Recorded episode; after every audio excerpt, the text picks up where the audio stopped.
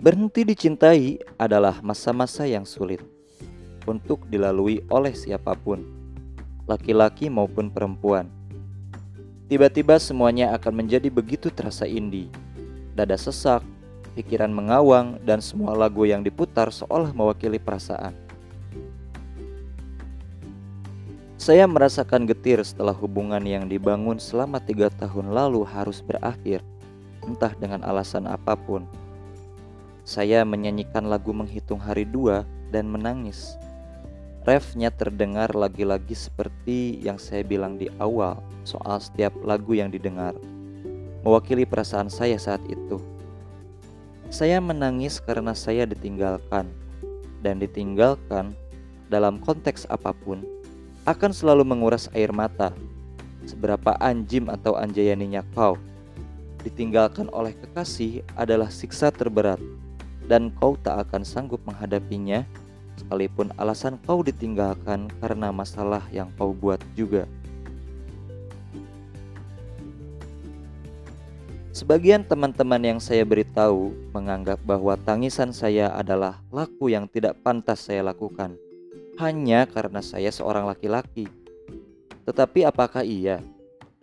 Lelaki tidak boleh menangis walau hatinya berdarah menyedihkan sekali kalau memang harus begitu. Saya perlu menangis saat itu dan saya harus menangis. Saya tidak peduli apakah saya laki-laki atau bukan. Tetapi bukankah menangis boleh dilakukan oleh siapa pun karena alasan apa pun? Sekalipun jenis kelaminnya adalah lelaki. Apakah laki-laki akan dianggap sebagai orang yang lemah hanya karena menangis? Lalu, alasan apa yang sehingga lelaki tidak boleh menangis? Apakah persoalan maskulinitas? Ya Tuhan, kalau saya hidup di dunia ini dan tidak boleh menangis saat saya sedang bersedih karena apa pun, lebih baik saya tidak perlu hidup lama-lama. Rasanya berat sekali mengemban tugas yang seperti demikian dalam hidup. Seolah laki-laki harus diikat sifat maskulinitas hegemonik. Tentu itu adalah sesuatu yang bajingan sekali dalam artikel berjudul Nasib Laki-Laki Feminis yang ditulis Aulia Adam, ia mengutip perkataan Nick Volcano. Kalau pria diberitahu kalau tak apa untuk menangis dan mencari pertolongan ketika mereka butuh, mungkin angka pria-pria di Amerika Serikat yang bunuh diri takkan lebih tinggi dibandingkan perempuan. Lagi pula, masa sih cuma perempuan yang boleh menangis? Ini nggak adil, bukan bagi perempuan, tetapi bagi laki-laki. Karena laki-laki juga butuh namanya menangis. Pasalnya, meski tidak hitam putih, hidup akan menawarkan perasaan bahagia dan sedih. Dan semuanya bersifat sementara. Nggak bakalan tuh selamanya bahagia, lalu bahagia atau sedih, atau perasaan-perasaan lainnya. Tapi yang jelas, semua perasaan yang ditawarkan oleh hidup akan sama-sama singgah, dan manusia mau nggak mau akan merasakan itu.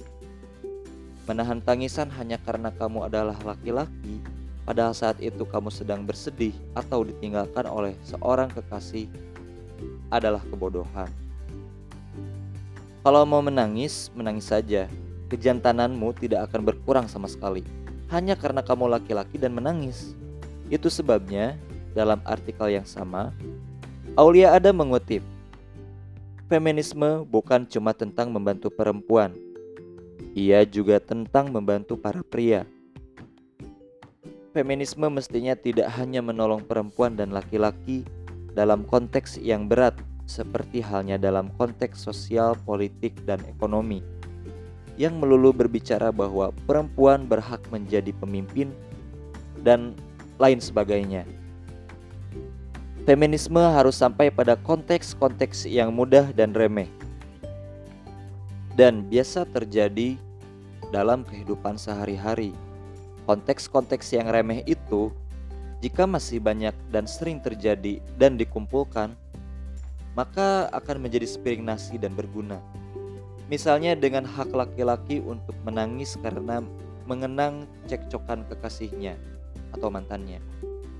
Pertengkaran akibat perilakunya yang bodoh atau semacam kerumitan ketika harus memilih antara bermain game online atau menelponnya.